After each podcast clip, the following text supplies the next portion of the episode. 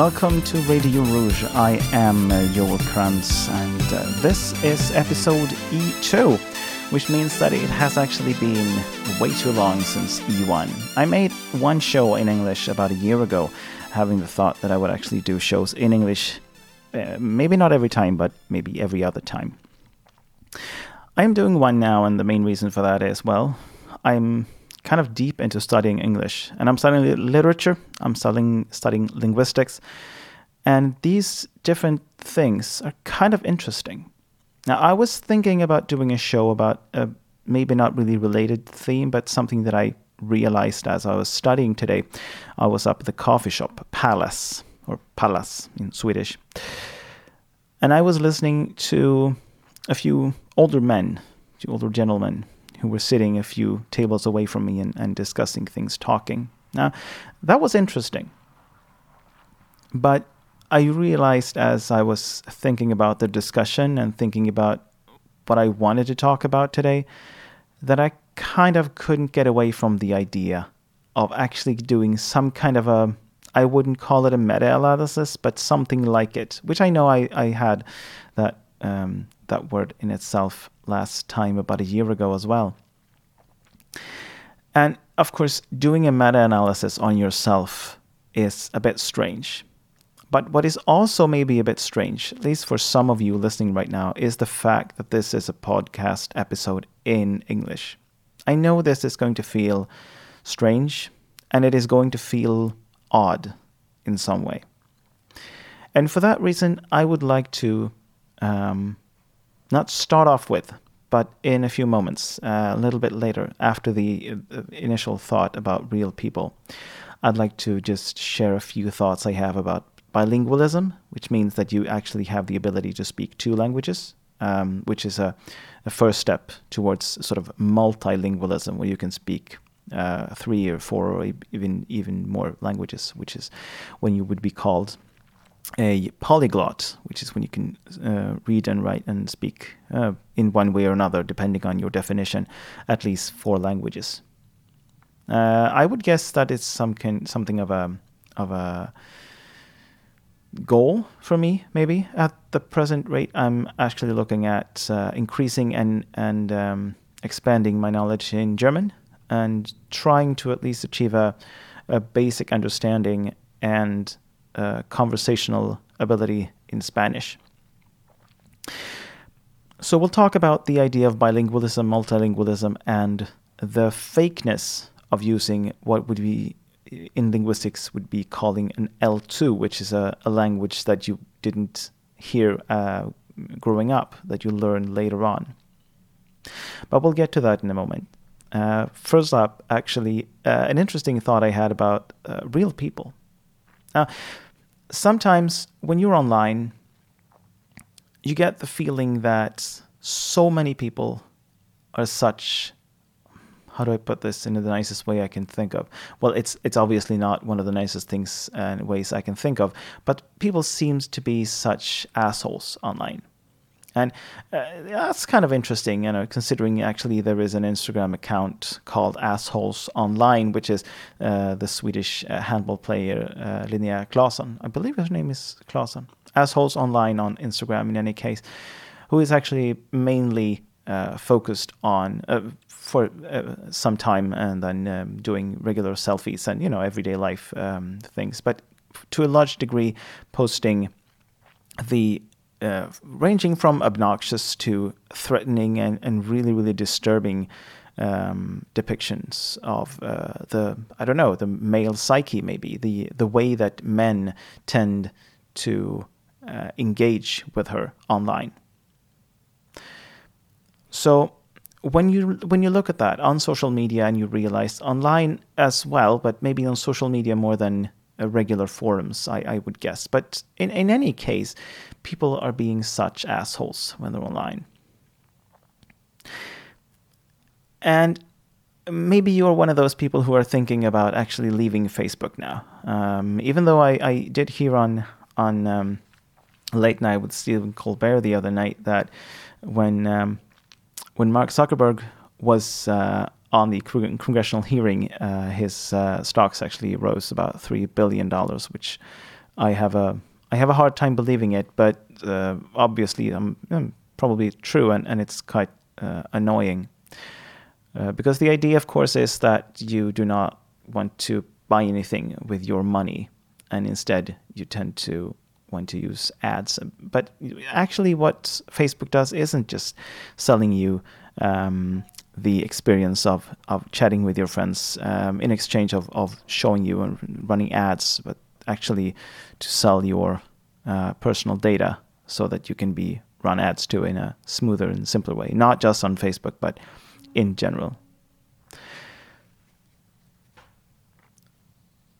So I wouldn't hold it against you if you actually thought about leaving Facebook um, and or any other platforms on social media that you would want to quit. I wouldn't hold it against you. Um, the main reason I'm not quitting Facebook is probably th- the reason that many of you do not quit Facebook either, because we become accustomed to it, we're used to it, we're there. We're already on Facebook. And I remember the time when I uh, enthusiastically made my mom and dad get Facebook.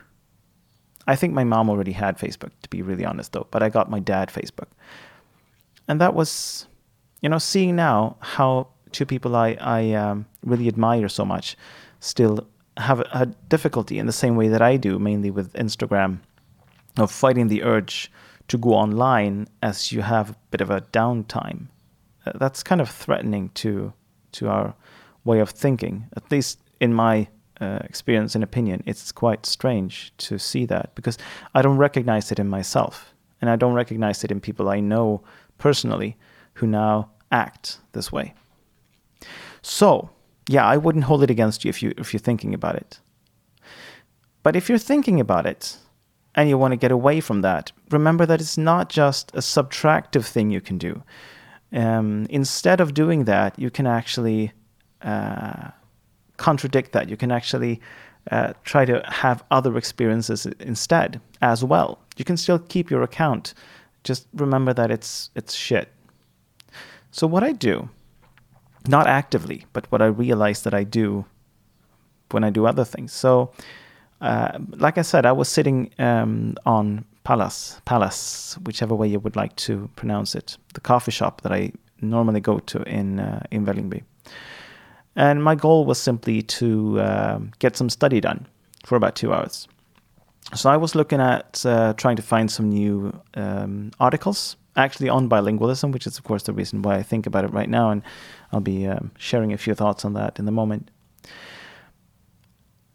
But the thing is, I wasn't sitting down listening to music. I wasn't sitting down talking to someone else. I was simply sitting there alone. I was reading a little bit. I was um, searching for information. I wasn't really, really active in the way that you um, sort of cut yourself off to the people around you. So, more than maybe otherwise I would be if I was sitting home just writing on my essay, finishing up then I could listen to music or I could do other things. But at this point, I was quite aware of the people around me. And so when I got there, it was about maybe a quarter past eight this morning. So that was kind of early. I was maybe the fourth person in the cafe, in the coffee shop. Now that was nice. It was really calm. It was it was good. And this is also a coffee shop that doesn't play music which is really, really nice. And uh, you can refill your coffee as much as you want. And slowly, there were more and more people coming.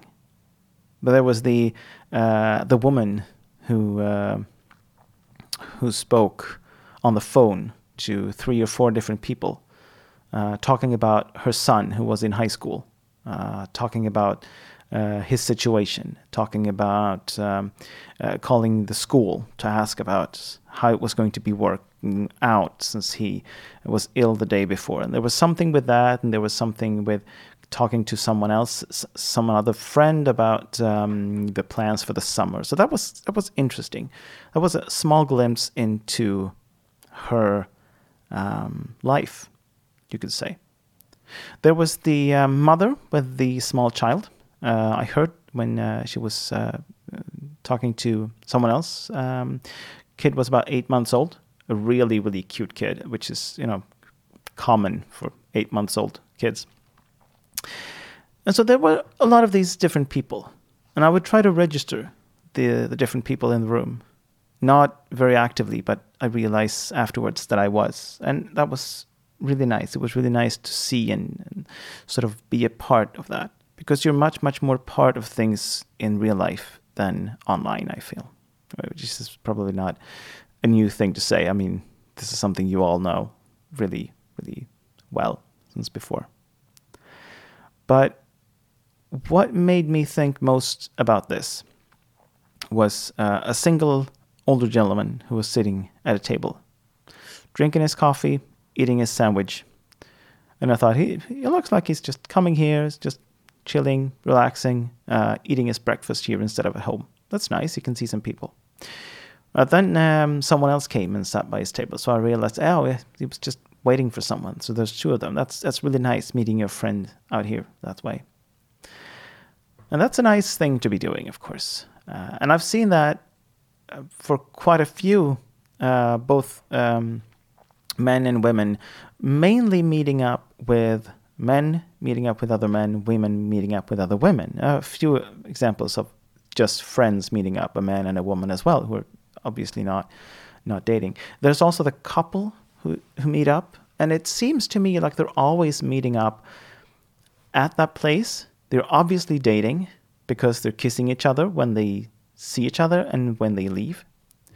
But they talk about things in a way that it seems like they're not actually meeting much outside the coffee shop, which to me is is it's really interesting.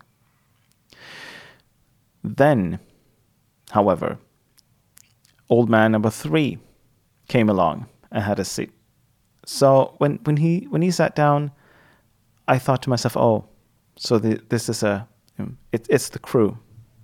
And then came a fourth one, and obviously I, I felt to myself, "This is this is great." So these are these are four friends who were actually um, sitting down together. But actually, there was another one, a fifth gentleman who came, and when he came along, the first one was actually about to leave which means that it's not just a question of waiting for each other and then sitting down, talking, and then saying, okay, we've sat here for about 45 minutes, we've talked, now I got to do other things. And they all leave at the same time. No, it's, it's even simpler than that. So he was having his breakfast. He was waiting for this, for this group of friends. They came, and it's just, he had already been sitting there for a while. He didn't really want much more from the conversation at that point. So the other people said as he as he was moving and, and offered his seat to the new guy coming, and said, "No, no, no, it's uh, it's it's okay. Uh, you can take my seat." Oh, really? Are you leaving? No, not yet, but uh, shortly. And it was so nice to see that. That was really a glimpse into real life. And the other interesting thing about that group of men was, yeah, of course they talked about Trump and they talked about uh, Twitter and they talked about uh, the idea that you had to park your motorcycle using a bloody app, which of course one of them being about about 70, 75, not having uh, a phone with apps. And the other one showed them showed him their phone. You know, look, look, look, there's the app. It's so simple. But there was also discussions concerning them as individuals. The fact that you know I was thinking of, of sitting outside, but it was it was still too cold, so no, I'm, I won't do it. Said the first guy when the second guy came. But there was also in that discussion between the five gentlemen, there was such a a nice, just calm, relaxing feeling about them. And seeing those that group of friends, seeing that crew out there in the coffee shop, just hanging out, talking to each other. That was really, really beautiful to see.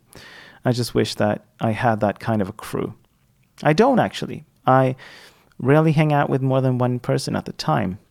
Um, probably I should be getting a few more friends, maybe a group of friends to hang out with when I'm 75. Okay, so real people, uh, that seems to be a step forward. Real life, coffee shops, and just hanging out seems to be a step forward instead of the idiocy of online ruthlessness. Now, don't get me wrong. There's a lot of nice things online as well. There's uh, there's uh, so many things you can see in the in the meme generating um, thing going on that I really like. I couldn't define it, but it's uh, it's it's also kind of beautiful.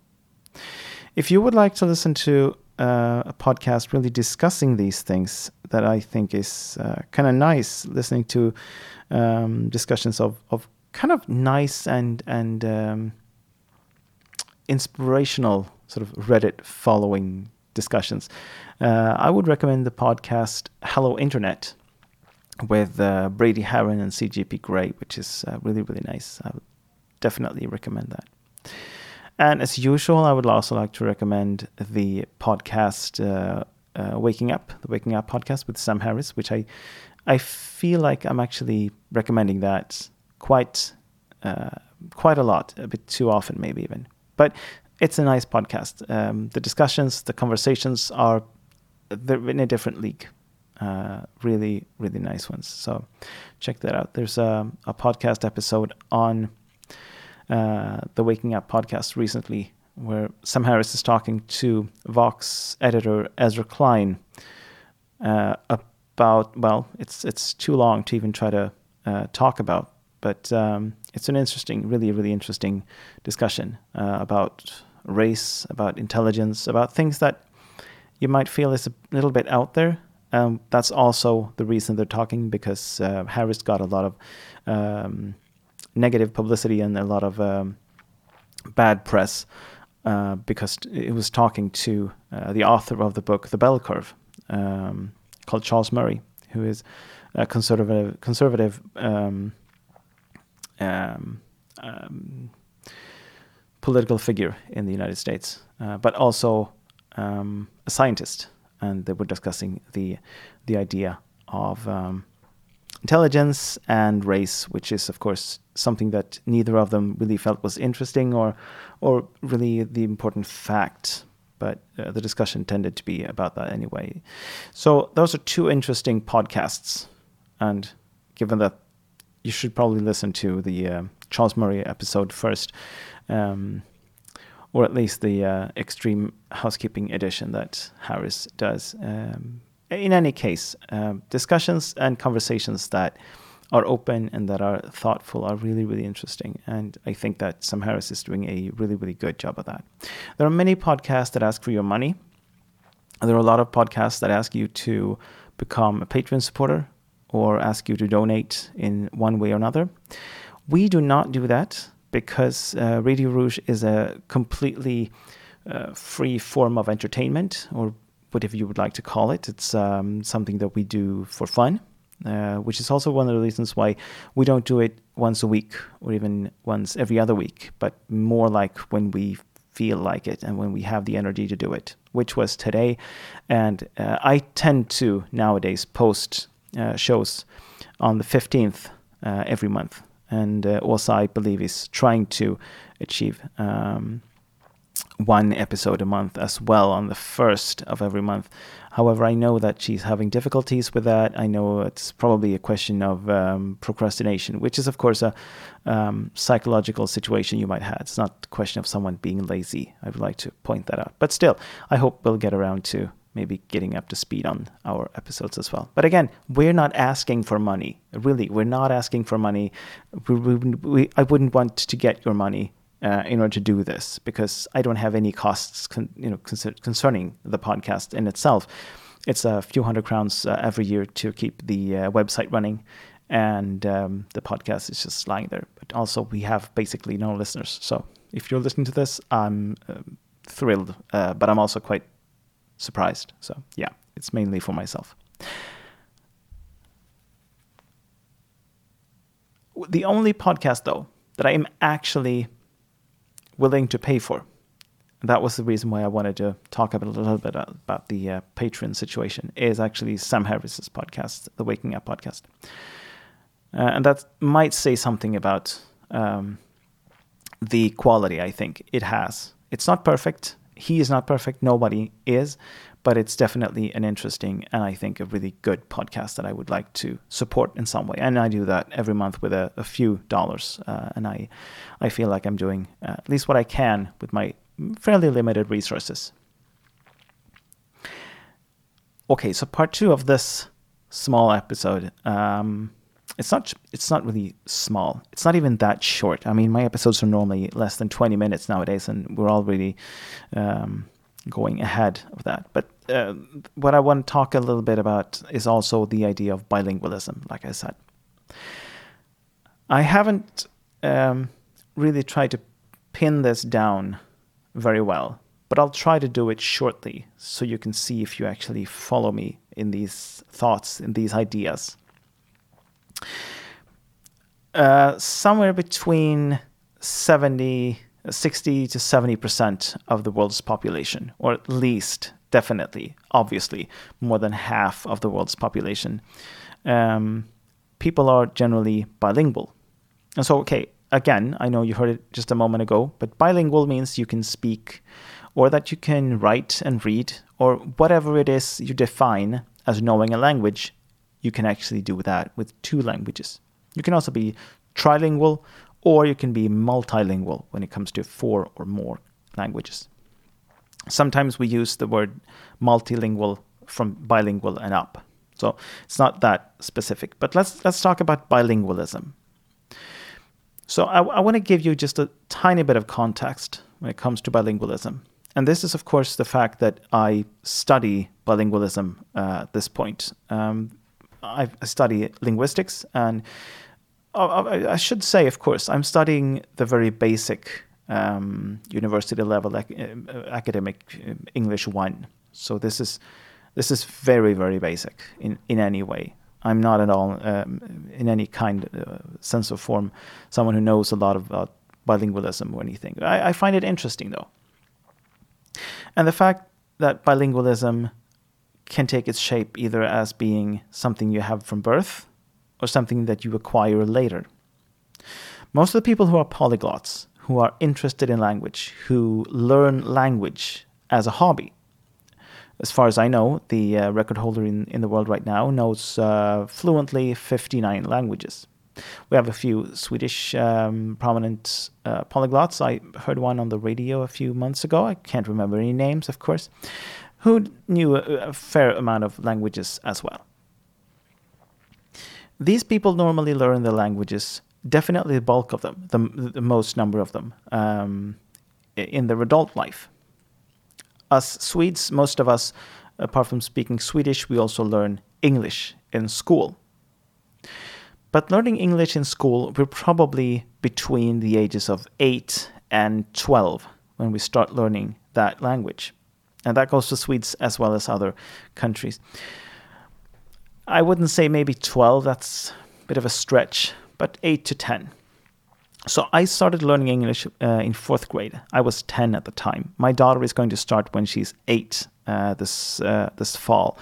Uh, so she'll be 8, that'll be in second grade. I find that really, really positive. I like kids to know more languages than one if possible already when they're really young.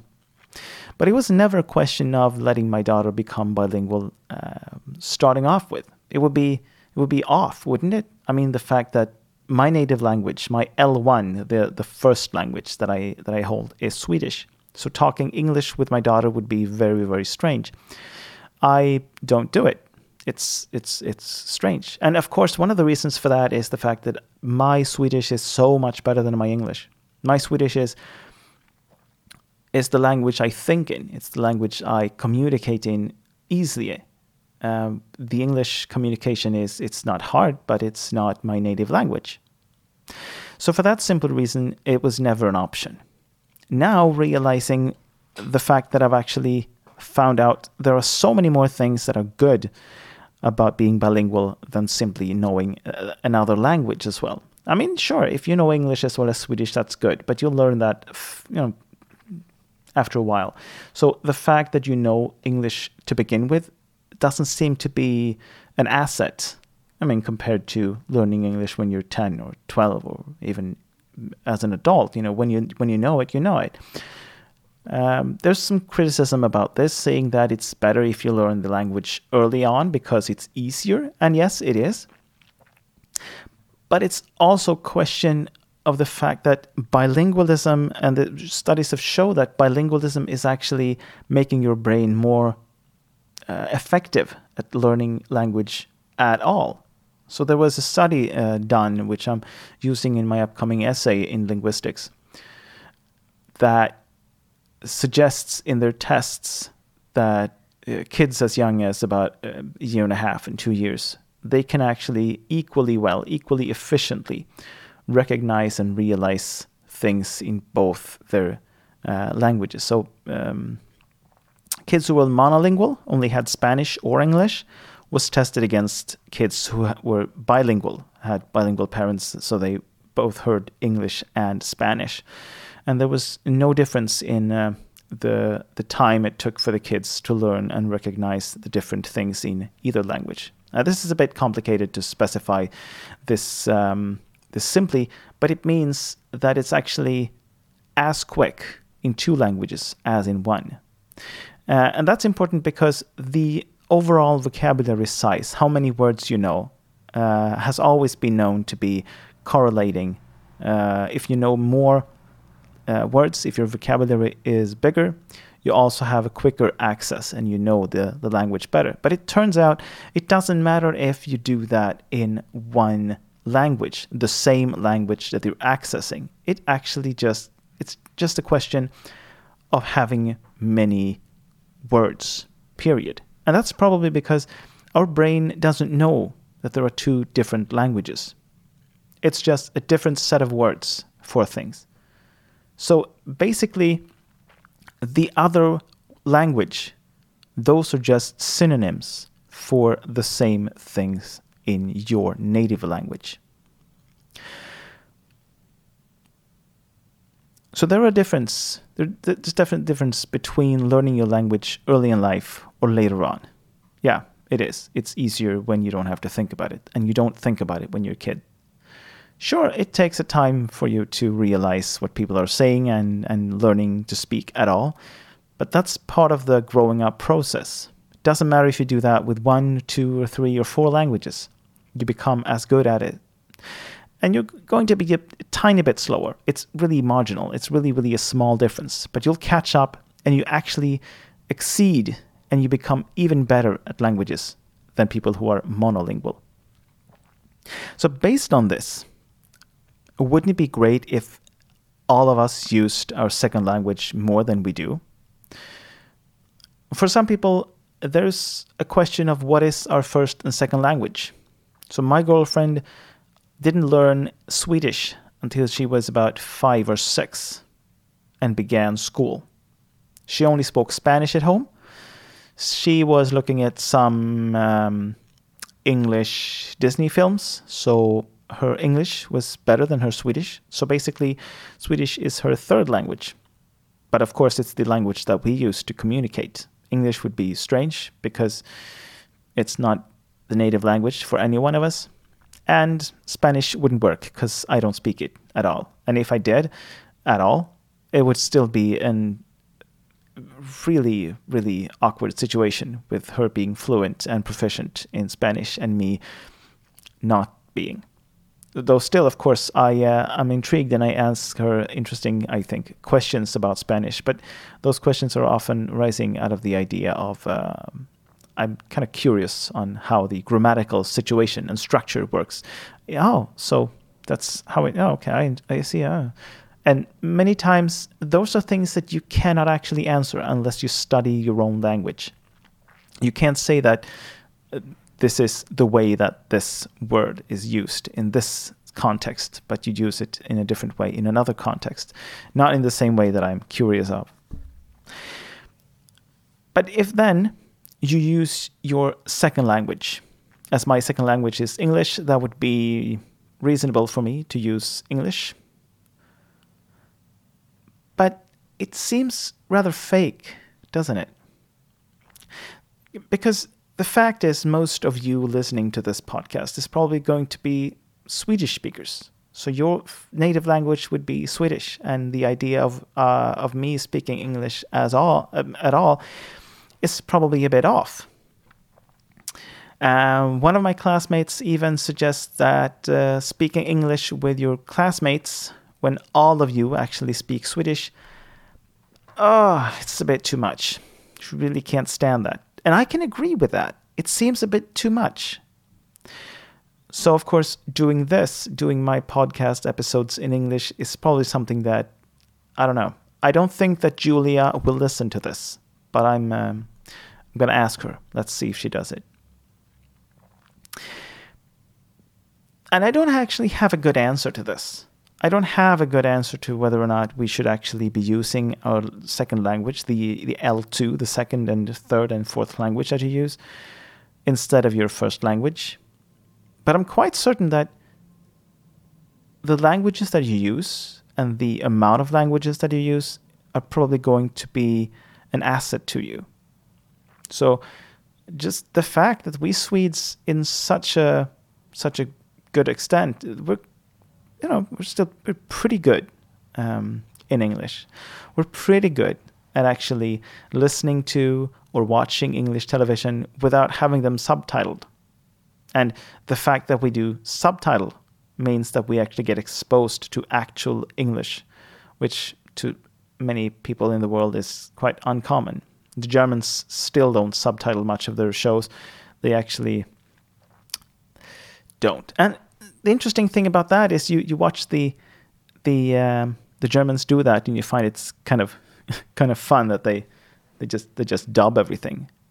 But then you realize that's exactly what the United States do as well, and Britain. And why do they do that?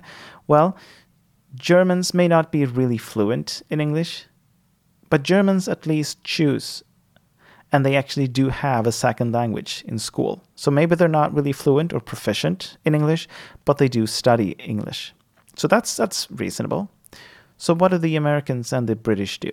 Well, many don't even have a second language, which is kind of interesting because, again, like I said in the beginning of this part of the show, somewhere between 60 and 70% of the world are bilingual or more.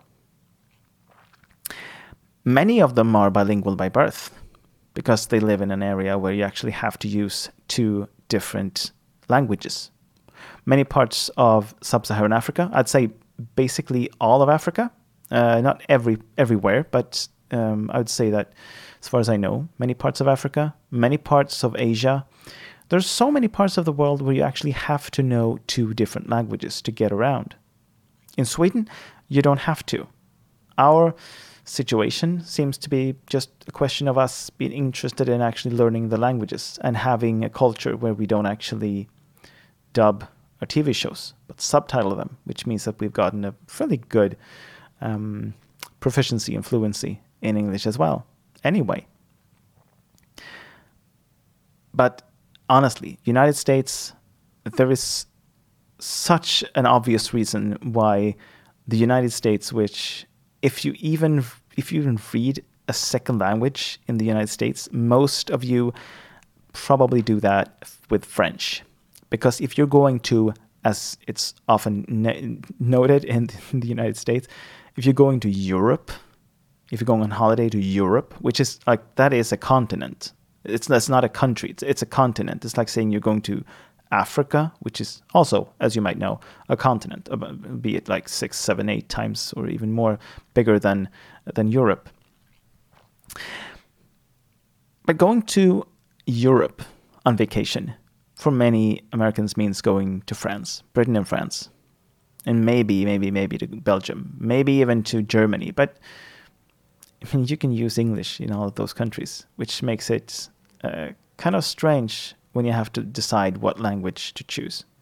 And obviously, there are two languages that Americans should be most interested in learning, uh, other than English.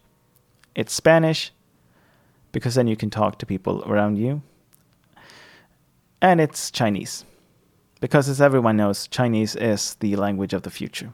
It's it's I, I, give you that. It's also an incredibly hard language to learn if you are used to the um, traditional Latin way of um, writing, but it's not that difficult. It's not a language that's impossible to people to learn. For many people, Swedish is a really really hard language to learn, for instance, and so it's just a matter of doing it. It is tricky, yeah. I'll give you that. I'll give it's tricky, sure but it's mainly a question that it looks tricky. Or we can just all agree that Esperanto would have been a great choice. I don't know. We'll see. I hope that some of this was new to you, or if it wasn't, that it was still a little bit interesting in some way, in some aspect. I'm going to sign off now. I've been uh, on for more than half an hour, which is more than I usually do. Um, I'll be back in about a month with some kind of show. Probably a Swedish show then, though. Maybe we'll see if I'll do another year without an, an English speaking show, and then I'll come back to you. Or maybe I'll just maybe I'll just come back in English in a month. But I'll be back in a month anyway. So um, I hope you'll have a nice uh, nice month and do nice things uh, and be nice to each other. Read a lot of things and um, oh yeah, I don't want to spoil anything but if you're thinking about reading Hemingway, A Farewell to Arms, that's a shit ending. I know, you're not supposed to say that, but man, that is a shit ending. So I'm going to just, just no, don't read it. I mean, it's a great book, but it's a shit ending. Okay. So, um, yeah, I'll see you. Have a nice time and uh, bye bye.